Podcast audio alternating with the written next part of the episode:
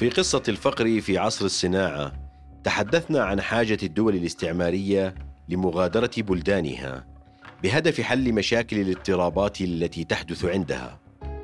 فتحتل مصر والهند مثلا كي تستحوذ على مواردها وتستغل اليد العاملة فيها وتحول البلاد إلى أسواق وتمنعها من التنمية وتسيطر على طرق التجارة.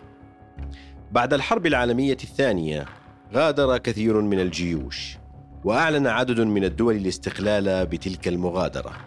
غادرت الجيوش من دون اعتذار على الجرائم والدماء التي سفكتها والمصيبة الأكبر هي النية لاستعمار آخر وبعدد أقل من الجنود.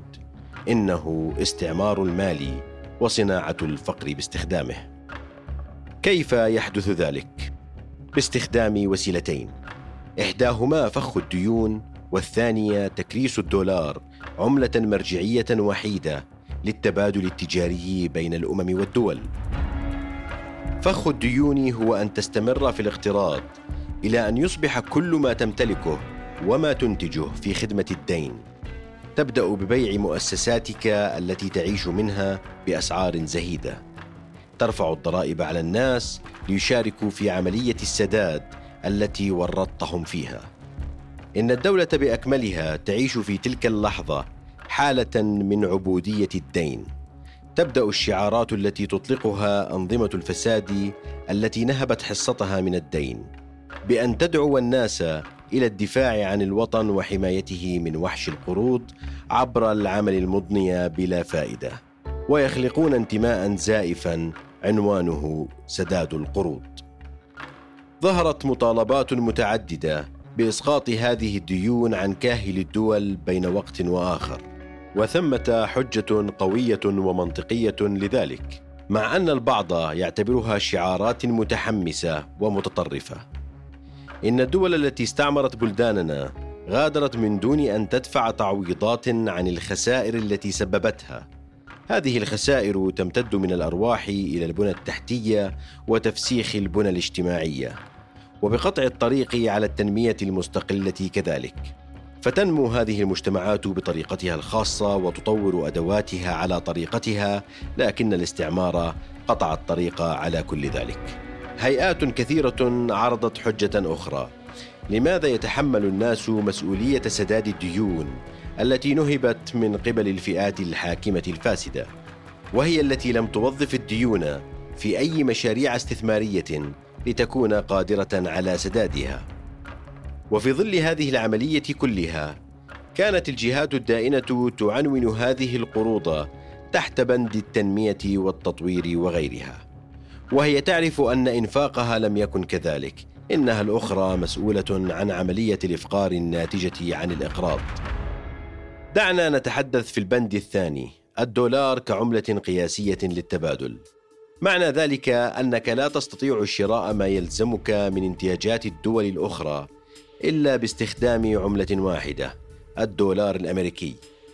ولكن من أين ستحصل عليه؟ إن ذلك مرتبط بكمية صادراتك. أن يكون العالم بحاجة لشيء أنت تمتلكه نفط خضر أو ربما ابتكار ما. إن قدرتك على امتلاك ما يلزم العالم هي قدرتك على امتلاك دولارات أكثر. أنا أخاطبك هنا كدولة وليس كفرد.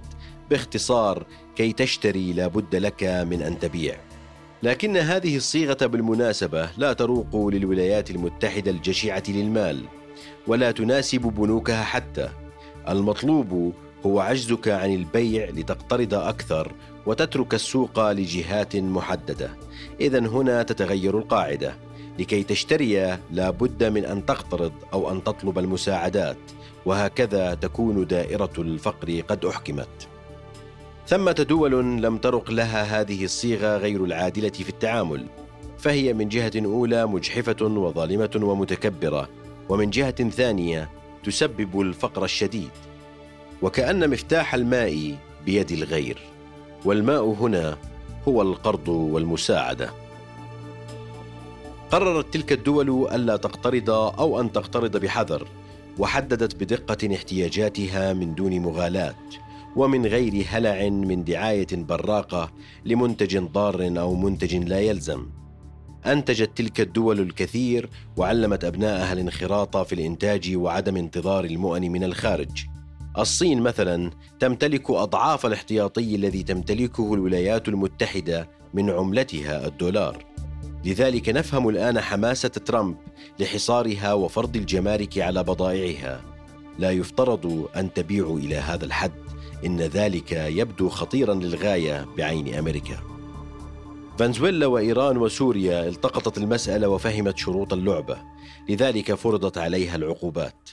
حسنا إنكم تجيدون الإنتاج في الداخل لكننا سنمنعكم من التصدير. لن تقبل البنوك التعامل معكم ولن يصدر لكم اعتماد بنكي ولا بوليصة تأمين. بذلك لن تتمكنوا من الحصول على الدولار ولن تتمكنوا من شراء ما يلزمكم. سوف تهبط قيمة عملتكم بسبب كل ذلك. فشلت الولايات المتحدة في هذه الساحات وصمد أهلها لأنهم أكلوا مما زرعوا ولبسوا مما نسجوا. ويبقى السؤال ما الذي يحدث عندما تقرر الولايات المتحدة فرض عقوبات كهذه؟